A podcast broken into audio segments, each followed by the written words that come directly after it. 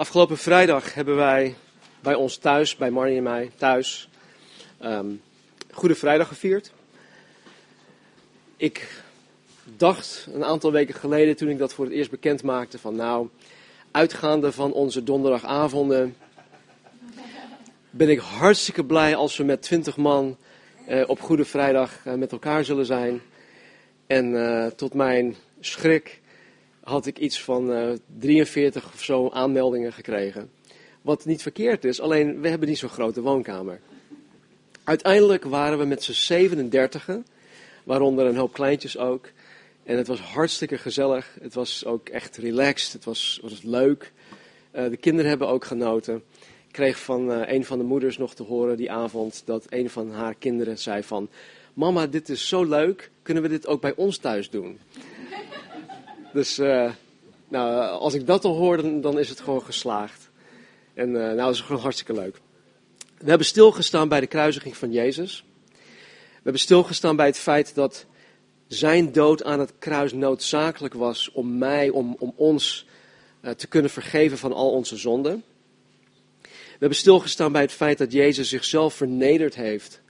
Dat Jezus zichzelf verlogend heeft.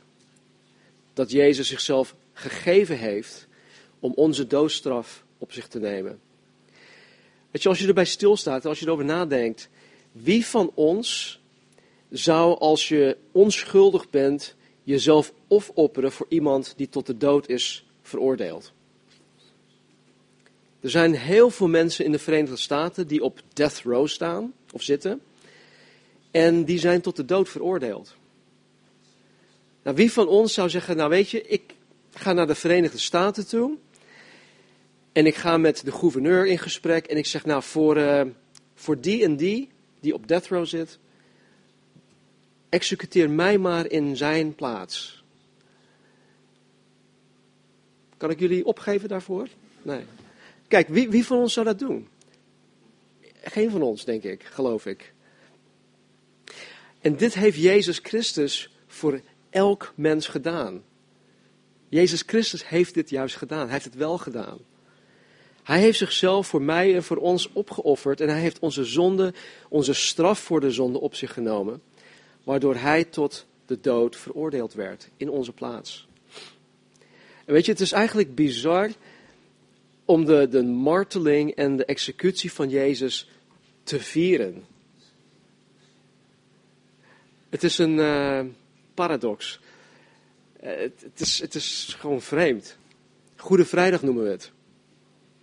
Maar hoe slecht het voor Jezus was, de kruisiging van Jezus Christus is voor mij, voor ons om te vieren. Ik mag het vieren, want mijn verlossing, mijn redding, alles gebeurde op Goede Vrijdag. Jezus Christus heeft al mijn zonden, al mijn fouten, al mijn tekortkomingen, alle dingen waarvoor ik me schuldig voel, alle dingen waarvoor ik me schaam, heeft Jezus Christus aan het kruis teniet gedaan. Het bestaat niet meer. Het bestaat niet meer. En alles wat jullie hebben gedaan, alle foute dingen die jullie hebben gedaan, alle zonden, alle Dingen waarvoor jullie je schamen. Alle dingen waarvoor jullie je schuldig voelen. Zelfs op dit moment nog. Dat hoeft niet meer. Want Jezus Christus heeft het op zichzelf genomen. Hij heeft jouw schuld, ook je schuldgevoel op zich genomen. Hij heeft het teniet gedaan. En door mijn geloof in Jezus Christus en door mijn geloof in zijn volmaakt werk aan het kruis, ben ik in Gods ogen rechtvaardig verklaard. Casper die las het vanmorgen voor. Ik ben rechtvaardig. Ik zie mezelf niet zo als, als ik in de spiegel kijk of als ik het woord van God voor me hou, maar God ziet mij door de bril van Jezus Christus als 100% rechtvaardig. Ik ben vrijgesproken. Ik ben 100% onschuldig. Zo ziet God mij. Dus Goede Vrijdag is inderdaad voor ons een goede vrijdag. Het is goed. Nou, we hebben het voordeel van het Nieuw Testament bij. Wij weten vanuit Gods woord, de Bijbel, dat Goede Vrijdag goed is. Wij weten dat Jezus na zijn sterven vervolgens uit de dood is opgestaan. Maar de discipelen, de volgelingen van Jezus, die dus echt drie jaar lang dag in en dag uit met Jezus optrokken, die wisten alleen dat Jezus gestorven was. Ze zagen Jezus daar aan het kruis. Ze zagen dat zijn lichaam door Jozef van Arimathea van het kruis afgehaald werd. Dat hij in een graf gelegd werd. Jezus was echt dood. Hij was 100% dood. Sommige ongelovige theologen beweren dat Jezus niet echt gestorven was. Daarom stond hij weer op. Maar Jezus was echt dood. Nou, door zijn executie raakten deze discipelen wanhopig. En ze, raakten, uh, ze waren radeloos. Hun hele leven stortte op dat moment in elkaar.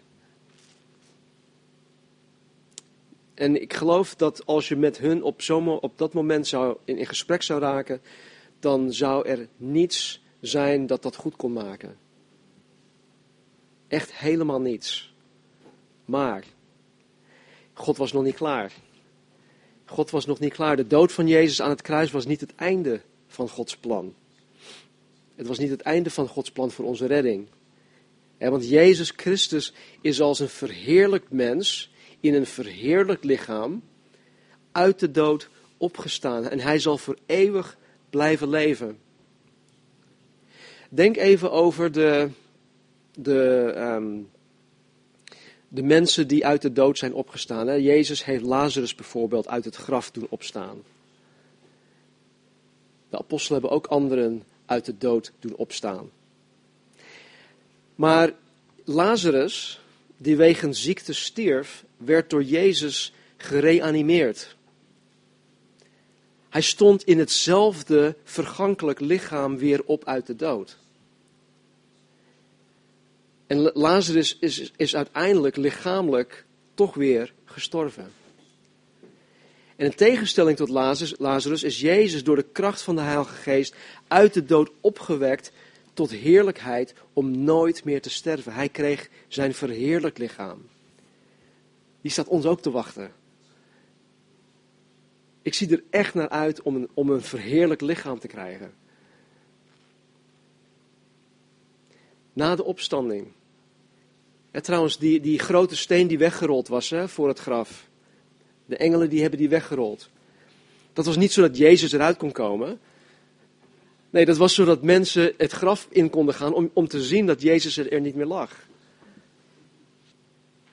En deze Jezus die uit de dood is opgestaan, die heb ik en jullie persoonlijk mogen leren kennen. Nou, dit is waar Pasen om draait de opstanding van Jezus Christus uit de dood, waardoor de mens de gelegenheid krijgt en in staat wordt gesteld om God, de schepper van hemel en aarde, persoonlijk te mogen kennen. Nou, ik was in eerste instantie van plan om een geweldig stuk uit Colossense met jullie vanmorgen te delen. Maar dat gaat niet door. Misschien doe ik dat volgend jaar. Weet ik niet. Maar vanmorgen gaan we uit de evangelie lezen uh, hoe Jezus uit de dood is opgestaan. Dus laten we um, evangelie van Matthäus eerst openslaan op hoofdstuk 28. Matthäus 28. Matthäus 28, vers 1. Laat na de Sabbat, toen het licht begon te worden op de eerste dag van de week, kwamen Maria, Magdalena en de andere Maria om naar het graf te kijken. En zie, er vond een grote aardbeving plaats, want een engel van de Heere, die uit de hemel neerdaalde, ging erheen rolde de steen van de opening weg en ging erop zitten. Zijn gedaante was als een bliksem en zijn kleding wit als sneeuw. De bewakers beefden van angst voor hem en werden als doden. Maar een engel antwoordde en zei tegen de vrouwen: U hoeft niet bevreesd te zijn, want ik weet dat u Jezus zoekt, die gekruisigd was. Hij is hier niet, want hij is opgewekt, zoals hij gezegd heeft. Kom, zie de plaats waar, waar de Heer gelegen heeft. En ga haastig heen en zeg tegen zijn discipelen dat hij opgewekt is uit de doden. En zie, hij gaat u voor naar Galilea. Daar zult u hem zien. Zie, ik heb het u gezegd. En ze gingen haastig van het graf weg, met vrees en grote blijdschap. En ze snelden weg om het zijn discipelen te berichten. Toen ze weggingen om het aan zijn discipelen bekend te maken, zie, Jezus kwam hun tegemoet en zei, wees gegroet. Zij gingen naar hem toe grepen zijn voeten en aanbaden hem.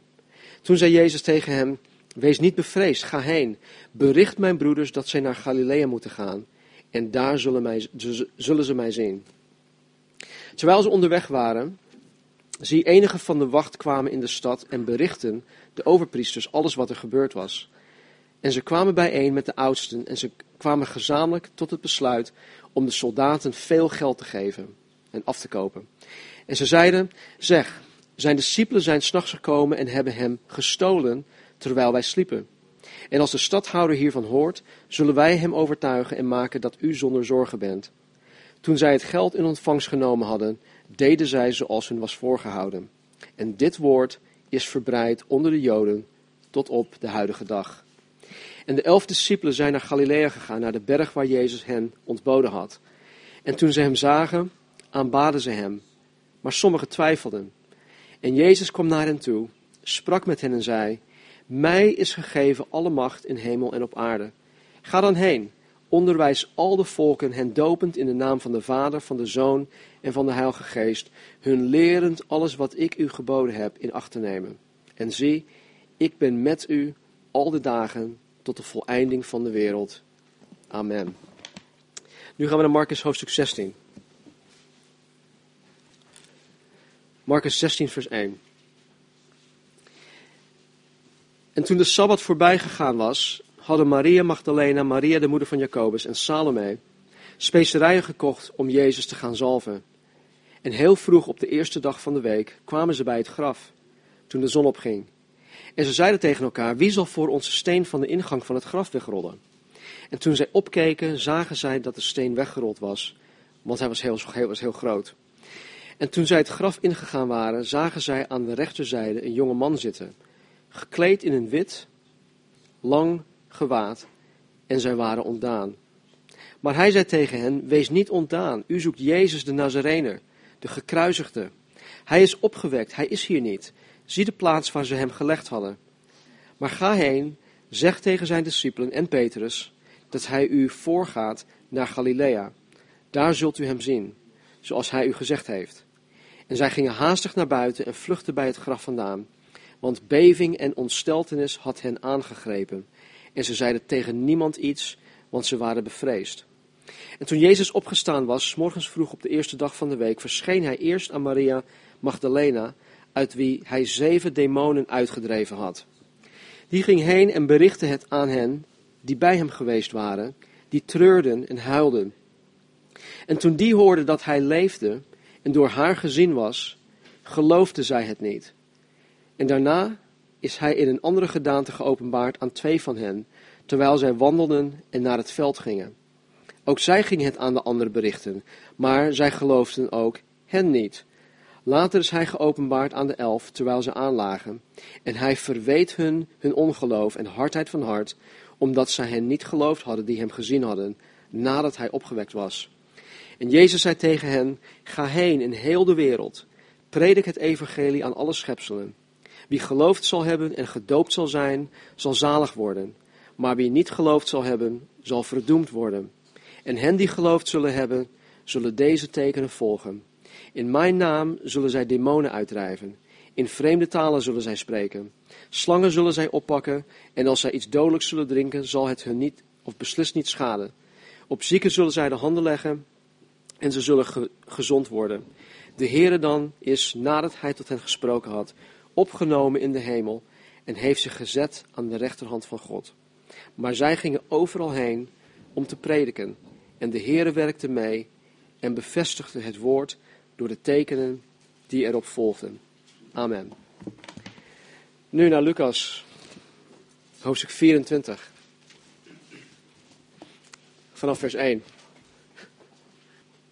En op de eerste dag van de week gingen zij heel vroeg in de morgen naar het graf en brachten de specerijen mee die zij gereed gemaakt hadden. En sommigen gingen met hen mee. Zij nu vonden de steen afgewenteld van het graf. En toen ze naar binnen gegaan waren, vonden zij het lichaam van de Heer Jezus niet. En het gebeurde toen ze daarover in twijfel waren, zie, twee mannen stonden bij hen in blinkende gewaden. En toen ze zeer bevreesd werden en het gezicht naar de grond bogen, zeiden die tegen hen, waarom zoekt u de levende bij de doden? Hij is hier niet, maar hij is opgewekt. Herinner u hoe hij tot u gesproken heeft toen hij nog in Galilea was. De zoon des mensen moet overgeleverd worden in handen van zondige mensen en gekruisigd worden en op de derde dag opstaan. En zij herinnerden zich zijn woorden. En toen zij teruggekeerd waren van het graf, berichtten ze dit alles aan de elf discipelen en aan alle anderen. En het waren Maria Magdalena, Johanna en Maria, de moeder van Jacobus, en de anderen die bij hen waren, die dit tegen de apostelen zeiden.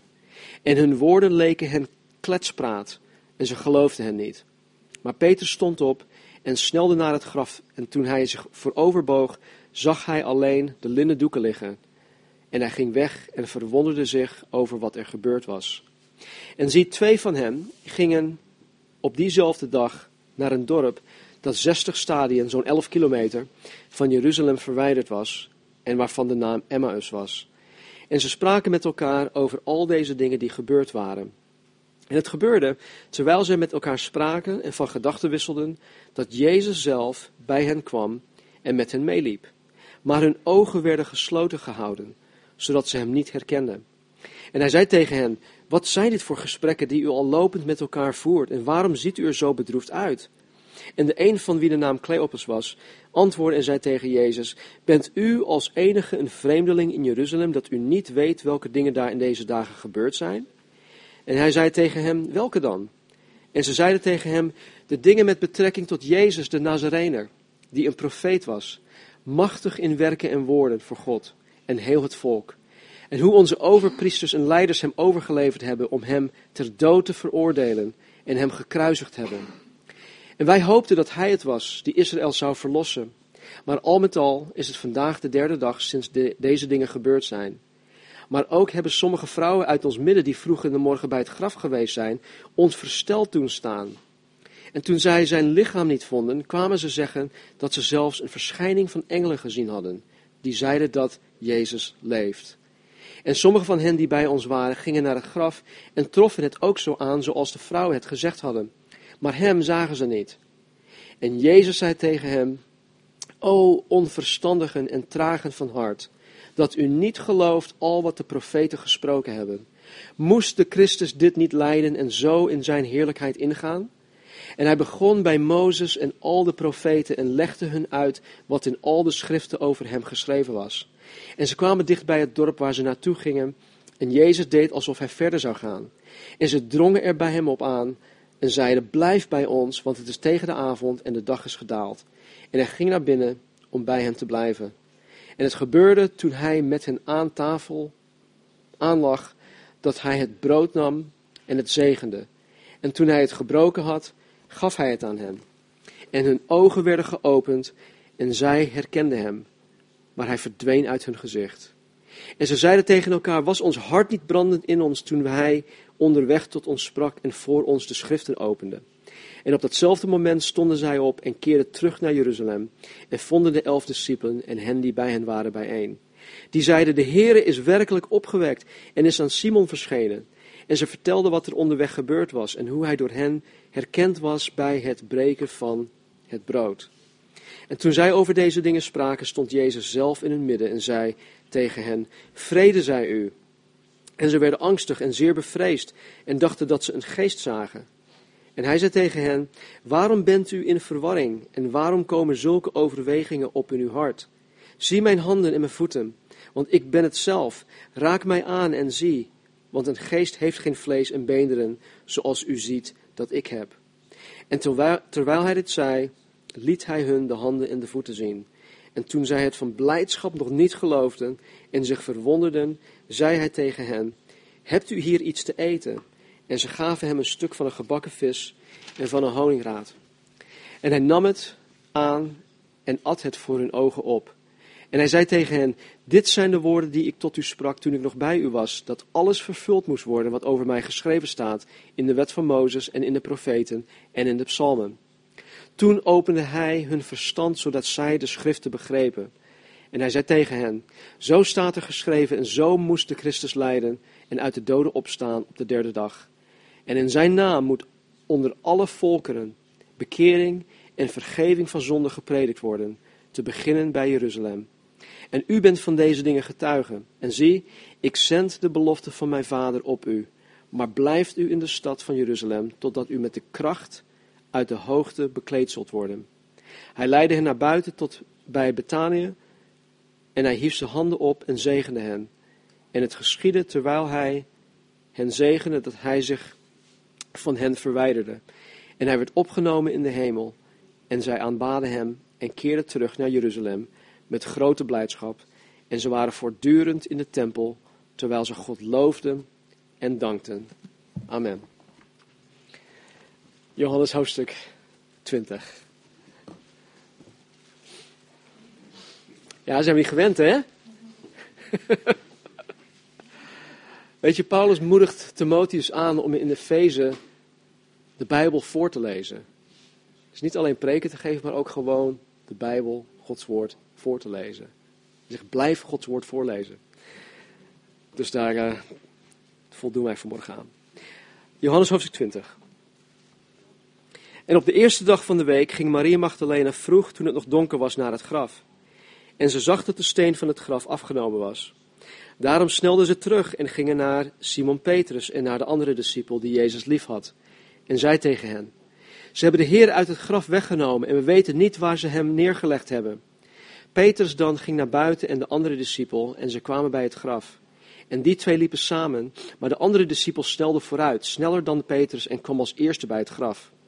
En toen hij vooroverboog, zag hij de doeken liggen, maar toch ging hij er niet in. Simon Petrus dan kwam en volgde hem en ging het graf wel binnen en zag de doeken liggen. En de zweetdoek die op zijn hoofd geweest was, zag hij niet bij de doeken liggen, maar afzonderlijk opgerold op een andere plaats. Toen ging ook de andere discipel, die het eerst bij het graf gekomen was, naar binnen. En hij zag het en geloofde. Want zij kenden de schrift nog niet, dat Jezus uit de doden moest opstaan. De discipelen dan gingen weer naar huis. Maar Maria stond huilend buiten bij het graf en terwijl zij huilde, boog zij voorover in het graf en ze zag twee engelen in witte kleding zitten. En aan hen, of en aan het hoofdeinde en één aan het hoofdeinde en één aan het voeteinde van de plaats waar het lichaam van Jezus gelegen had. En die zeiden tegen haar vrouw, waarom huilt u? Ze zei tegen hem, omdat ze mijn heren weggenomen hebben en ik weet niet waar ze hem neergelegd hebben. En toen zij dit gezegd had, keerde ze zich naar achteren en ze zag Jezus staan. Maar ze wist niet dat Jezus het was. Jezus zei tegen haar vrouw, waarom huilt u? Wie zoekt u? Zij dacht dat het de tuinman was en ze zei tegen hem, mijn heer, als u hem weggedragen hebt, zeg mij dan waar u hem neergelegd hebt en ik zal hem weghalen. Jezus zei tegen haar, Maria. Ze keerde zich om en zei tegen hem, Rabboni, dat betekent meester. Jezus zei tegen haar: Houd mij niet vast, want ik ben nog niet opgevaren naar mijn vader. Maar ga naar mijn broeders en zeg tegen hen: Ik vaar op naar mijn vader en uw vader, en naar mijn God en uw God. Maria Magdalena ging en berichtte, aan de, de discipelen dat zij de Heere gezien had en dat hij dit tegen haar gezegd had. Toen het nu avond was op die eerste dag van de week en de deuren van de plaats waar de discipelen bijeen waren uit vrees voor de Joden gesloten waren, kwam Jezus en hij stond in hun midden en zei tegen hen, vrede zij u. En nadat hij dit gezegd had, liet hij, liet hij hun zijn handen en zijn zij zien. De discipelen dan verblijden zich toen zij de Heere zagen. Jezus dan zei opnieuw tegen hen, vrede zij u. Zoals de Vader mij gezonden heeft, zend ik ook u. En nadat hij dit gezegd had, blies hij op hen en zei tegen hen, ontvang de Heilige Geest. Als u iemand zonde vergeeft, worden ze hem vergeven. Als u ze hem toerekent, blijven ze hem toegerekend. En Thomas, een van de twaalf, die Didymus genoemd was, was niet bij hen toen Jezus daar kwam. De andere discipelen dan zeiden tegen hem, wij hebben de Heere gezien. Maar hij zei tegen hen, als ik in zijn handen niet de litteken van de spijker zie, en mijn vinger niet steek in het litteken van de spijkers, en mijn hand niet steek in zijn zij, zal ik beslist niet geloven. En na acht dagen waren zijn discipelen weer, waren zijn discipelen weer binnen en Thomas was bij hen. Jezus kwam terwijl de deuren gesloten was, waren en hij stond in hun midden en zei, vrede zij u. Daarna zei hij tegen Thomas, kom hier met uw vinger en bekijk mijn handen. En kom hier met uw hand en steek die in mijn zij. En wees niet ongelovig, maar gelovig. En Thomas antwoordde en zei tegen hem, Mijn Heere en mijn God. Jezus zei tegen hem, Omdat u mij gezien hebt, Thomas, hebt u geloofd. Zalig zijn zij die niet gezien zullen hebben en toch zullen geloven. Jezus nu heeft in aanwezigheid van zijn discipelen nog wel veel andere tekenen gedaan die niet beschreven zijn in dit boek. Maar deze zijn beschreven opdat u gelooft dat Jezus de Christus is, de Zoon van God, en opdat u door te geloven het leven zult hebben in zijn naam. Hierna openbaarde Jezus zich opnieuw aan de discipelen, aan de zee van Tiberias. En hij openbaarde zich als volgt. Er waren bijeen Simon Peters en Thomas, ook Didymus genoemd, Nathanael, die uit Cana in Galilea afkomstig was, de zonen van Zebedeus en twee andere van zijn discipelen. Simon Peter zei tegen hen, ik ga vissen. Ze zeiden tegen hem, we gaan met u mee. Ze gingen naar buiten en gingen meteen aan boord van het schip en in die nacht vingen zij niets. En toen het al ochtend geworden was, stond Jezus aan de oever. Maar de discipelen wisten niet dat het Jezus was. Jezus zei dan tegen hen, lieve kinderen, hebt u niet, hebt u niet iets voor, mij, bij het eten? En ze antwoordden hem nee. En hij zei tegen hen, werp het net uit aan de rechterkant van het schip en u zult vinden. Dus wierpen zij het net uit en ze konden het niet meer trekken vanwege de grote hoeveelheid vissen. De discipel dan die Jezus lief had, zei tegen Petrus, het is de Heere. Toen Simon Petrus dan hoorde dat het de Heere was, sloeg hij het bovenkleed om, want hij was ongekleed en wierp zich in de zee. En de andere discipelen kwamen met het scheepje, want ze waren niet ver, slechts ongeveer 211 van het land verwijderd, en sleepten het net met de vissen. Toen zij nu aan het land gegaan waren, zagen zij een kolenvuur met vis daarop liggen en brood. Jezus zei tegen hen, breng wat van de vissen die u nu gevangen hebt. Simon Petrus ging er naartoe, trok het net op het land, vol grote vissen. 153, en hoewel het er zoveel waren, scheurde het net niet. Jezus zei tegen hen, kom, gebruik de middagmaaltijd. En niemand van de discipelen durfde hem te vragen, wie bent u? Want ze wisten dat het de Heer was. Jezus dan kwam, kwam en nam het brood en gaf hun en de vis eveneens. Dit nu was de derde keer dat Jezus zich aan de discipelen geopenbaarde nadat hij uit de doden was opgewekt was. Toen zij dan de middagmaaltijd gebruikt hadden, zei Jezus tegen Simon Peter, Simon, zoon van Jona, hebt u mij meer lief dan deze? Hij zei tegen hem, ja heren, u weet dat ik van u houd. Hij zei tegen hem, wijd mijn lammeren. Hij zei opnieuw tegen hem, voor de tweede keer, Simon, zoon van Jona, hebt u mij lief? Hij zei tegen hem, ja heer, u weet dat ik van u houd. Hij zei tegen hem, hoed mijn schapen. Hij zei voor de derde keer tegen hem, Simon, zoon van Jona, houdt u van mij? Petrus werd bedroefd omdat hij voor de derde keer tegen hem zei, houd u van mij? En hij zei tegen hem, Heere, u weet alle dingen, u weet dat ik van u houd. Jezus zei tegen hem, wijd mijn schapen. Voorwaar, voorwaar, ik zeg u, toen u jonger was, omgorde u uzelf en u liep waar u wilde. Maar als u oud geworden bent, zult u uw handen uitstrekken en een andere zal u omgorden en u brengen waar u niet heen wilt. En dit zei Jezus om aan te duiden met wat voor dood hij God verheerlijken zou. En nadat hij dit gezegd had, zei hij tegen hem, volg mij. En Petrus zag, toen hij zich omkeerde, de, de discipel volgen die Jezus liefhad. Die ook tijdens het avondmaal tegen zijn borst was gaan liggen. En gezegd had, Heere, wie is het die u verraden zal? Toen Petrus deze zag, zei hij tegen Jezus, Heere, maar wat zal er met hem gebeuren? Jezus zei tegen hem, als ik wil dat hij blijft totdat ik kom, wat gaat het u aan? Volgt u mij. Nou, dit gerucht nu dat deze discipel niet zou sterven, verspreidde zich onder de broeders. Maar Jezus had niet tegen hem gezegd dat hij niet zou sterven. Maar als ik wil dat hij blijft totdat ik kom, wat gaat het u aan? Dit is, de, dit is de discipel die van deze dingen getuigt en deze dingen beschreven heeft. En we weten dat zijn getuigenis waar is. Er zijn nog veel andere dingen die Jezus gedaan heeft. Als, de, ieder, als die ieder afzonderlijk beschreven zouden worden, dan zou, denk ik, de wereld zelf, de geschreven boeken, niet kunnen bevatten. Amen.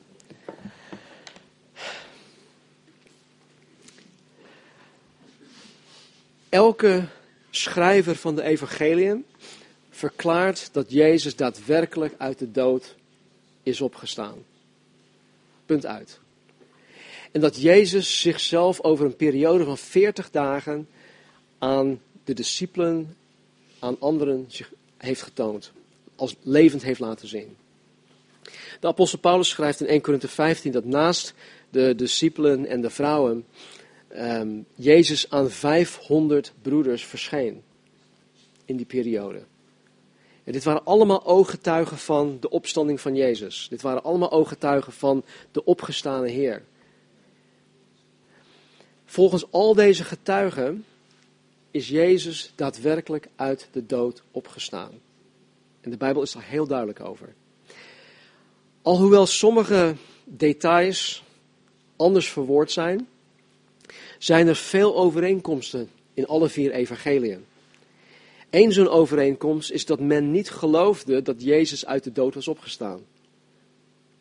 In Matthäus staat er dat sommigen twijfelden. In Marcus, in Marcus 16, 11 eh, tot 14 staat dit. Toen die hoorden dat hij leefde en door haar, door haar gezien was, geloofde zij het niet. Er staat ook, later is Jezus geopenbaard aan de elf terwijl zij aanlagen. En hij verweet hun hun ongeloof en hardheid van hart. Omdat zij hen niet geloofd hadden die hem gezien hadden nadat hij opgewekt was. In Lucas staat, hun woorden leken hun kletspraat en zij geloofden hun niet. En in Johannes staat, en Thomas, een van de twaalf, Didymus genoemd, was niet bij hen toen Jezus daar kwam. De andere discipelen dan zeiden tegen hem, we hebben de Heere gezien. Maar hij zei tegen hen, als ik in zijn handen niet het litteken van de spijkers zie, en mijn vinger niet steek in het litteken van de spijkers, en mijn hand niet steek in zijn zij, zal ik beslist niet geloven. Nou weet je, ik kan me best voorstellen dat zij niet geloofden dat Jezus uit de dood was opgestaan. Laten we eerlijk zijn. Dat is gewoon iets dat, dat, niet, dat gewoon niet kan, dat gewoon niet mogelijk is. Maar luister wat Jezus tegen hen zegt. In Lucas 24, 25 zei hij dit. O onverstandigen en tragen van hart onverstandige en hart, dat u niet gelooft al wat de profeten gesproken hebben. Het was niet zo dat zij het niet konden weten. Honderden jaren voor deze gebeurtenis was het al voorspeld, was het al vastgelegd. En zij hadden toegang tot de Heilige Schrift. Ze hadden de Bijbel. En maar zij benaderden de Bijbel vanuit hun eigen opvattingen over God. Zij benaderden de Bijbel, ze benaderden Gods woord vanuit hun eigen opvattingen over de Messias. Hoe hij eruit zou zien, wat hij eventueel voor hun zou gaan doen. En het gevolg daarvan was dat zij niet geloofden. Na zijn opstanding zegt Jezus dat men in de opstanding van Jezus uit de dood moet geloven om gered te kunnen zijn. Het is geen optie voor, voor de mens. Het is noodzakelijk, het is een vereiste. En je moet geloven in de opstanding uit de dood om gered te kunnen zijn. Gered te zijn van wat? Van zonde. En gered te zijn van het voor eeuwig gescheiden te zijn van God de Vader. Gered te zijn van eenzaamheid. Gered te zijn van wanhoop. Gered te zijn van jezelf. En al je eigen ellende. Marcus 16, 16 zegt dit. Wie geloofd zal hebben en gedoopt zal zijn, zal zalig worden. Maar wie niet geloofd zal hebben, die zal verdoemd worden. Woorden van Jezus. Johannes 20, vers 30 en 31. Jezus nu heeft in aanwezigheid van zijn discipelen nog wel veel andere tekenen gedaan die niet beschreven zijn in dit boek. Maar deze zijn beschreven opdat u gelooft dat Jezus de Christus is, de Zoon van God. En opdat u door te geloven het leven zult hebben in zijn naam. Wij geloven niet zomaar in iets. Wij geloven in iets dat, dat feitelijk bewezen is. Dat ook zelfs nu door um, archeologie, is het goed, ja? Heel veel bewezen is. Zelfs wetenschappelijk bewezen is. Wij zijn niet tussen aanhalingstekens goedgelovig in die zin. Wij nemen niet zomaar alles klakkeloos aan. De Bijbel moedigt ons aan, onderzoek de schriften. Daar staat over mij Jezus geschreven. Dus geloof je vanmorgen. Geloof je wat de Bijbel over jou zegt. Hè? Dat je een zondaar bent. Dat je eigenlijk een hopeloze zondaar bent. Die redding nodig heeft. Geloof je vanmorgen dat Jezus Christus in jouw plaats aan het kruis gestorven is? Geloof je vanmorgen dat je verzoening met God de Vader gekregen hebt, hebt door, door te geloven? Geloof je dat Jezus daadwerkelijk uit de dood is opgestaan? Geloof je dat Jezus nu aan de rechterhand van de Vader zit? Geloof je dat Jezus Christus nu voor jou pleit? Geloof je dat, net zoals Jezus Christus 2000 jaar geleden naar de aarde toe was gekomen, dat Hij terug zal komen?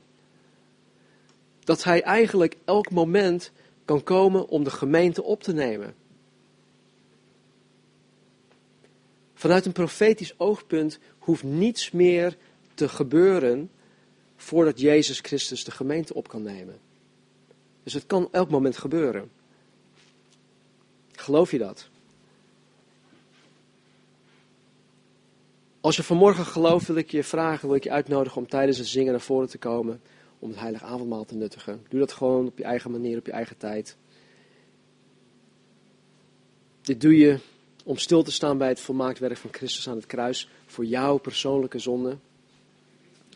En je doet dit in verwachting van de wederkomst. De wederkomst van, van Jezus, wanneer hij je op zal nemen, wanneer hij vervolgens zijn koninkrijk hier op aarde zal vestigen. En als je niet gelooft, dan is het vanmorgen zaak om nu een beslissing te nemen. Je weet niet of je morgen nog krijgt. Wil je geloven? Zeg het gewoon tegen God. Beleid tegen God dat je een hopeloze zondaar bent. Beleid aan God dat je in Jezus Christus gelooft. Beleid dat je weet en gelooft dat Jezus voor jou zonder gestorven is. En dat hij uit de dood is opgestaan. Laten we bidden. O Vader God, dank u wel. Dank u wel dat u zo ver gegaan bent om mij te zoeken en te redden. Heer, om ons op te zoeken en te redden. Heer, het evangelie dat 2000 jaar geleden gepredikt werd, Heer, is tot ons gekomen 2000 jaar later. En wij geloven, Vader, in uw woord. Wij geloven dat uw woord in de oorspronkelijke manuscripten onfeilbaar is. En wij geloven, Vader, dat uw woord ons redding brengt. Wij geloven dat Jezus Christus het levende woord is. En wij geloven dat Hij uit de dood is opgestaan, dat Hij nu aan de rechterhand van God de Vader zit, dat Hij voor ons pleit. Dat Hij ons vrijspreekt. We geloven ook dat Satan ons dag in en dag uit aanklaagt. Maar heren, wij hebben onze vrijspraak, we hebben Jezus, onze defense attorney, die voor ons pleit. En heren, zonder uw opstanding, zonder uw opstanding, heren, was het einde verhaal geweest. Dan was het gebleven bij uw kruisiging bij uw dood, bij uw begraving, begrafenis. Maar Jezus, u bent uit de dood opgestaan. U leeft, u bent hier in ons midden, u leeft in ons hart. De geest van Jezus Christus leeft in ons. En ik dank u daarvoor. Dus Heer, doordring ons van het feit dat dezelfde geest, de Heilige Geest die u uit de dood heeft opgewekt, Heer, in ons leeft, in ons woont. En dat wij als uw discipelen, als uw kinderen, Vader, dat wij in die opstandingskracht mogen leven. Elke dag opnieuw, van moment tot moment, elke keer weer. Dat wij niet te neergeslagen door het leven hoeven te gaan. Dat wij niet voortdurend met depressie of met andere um, ja, moeilijke dingen, heren, rond hoeven te blijven lopen.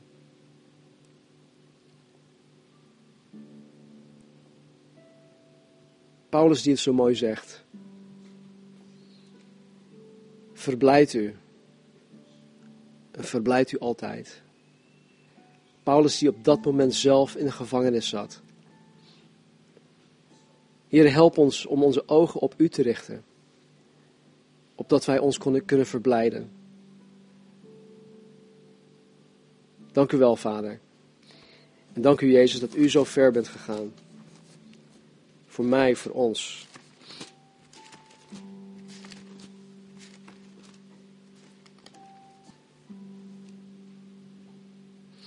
Wel nu dan, laten ook wij, nu wij door zo'n menigte van getuigen omringd worden, afleggen. Alle last en de zonde die ons zo gemakkelijk verstrikt.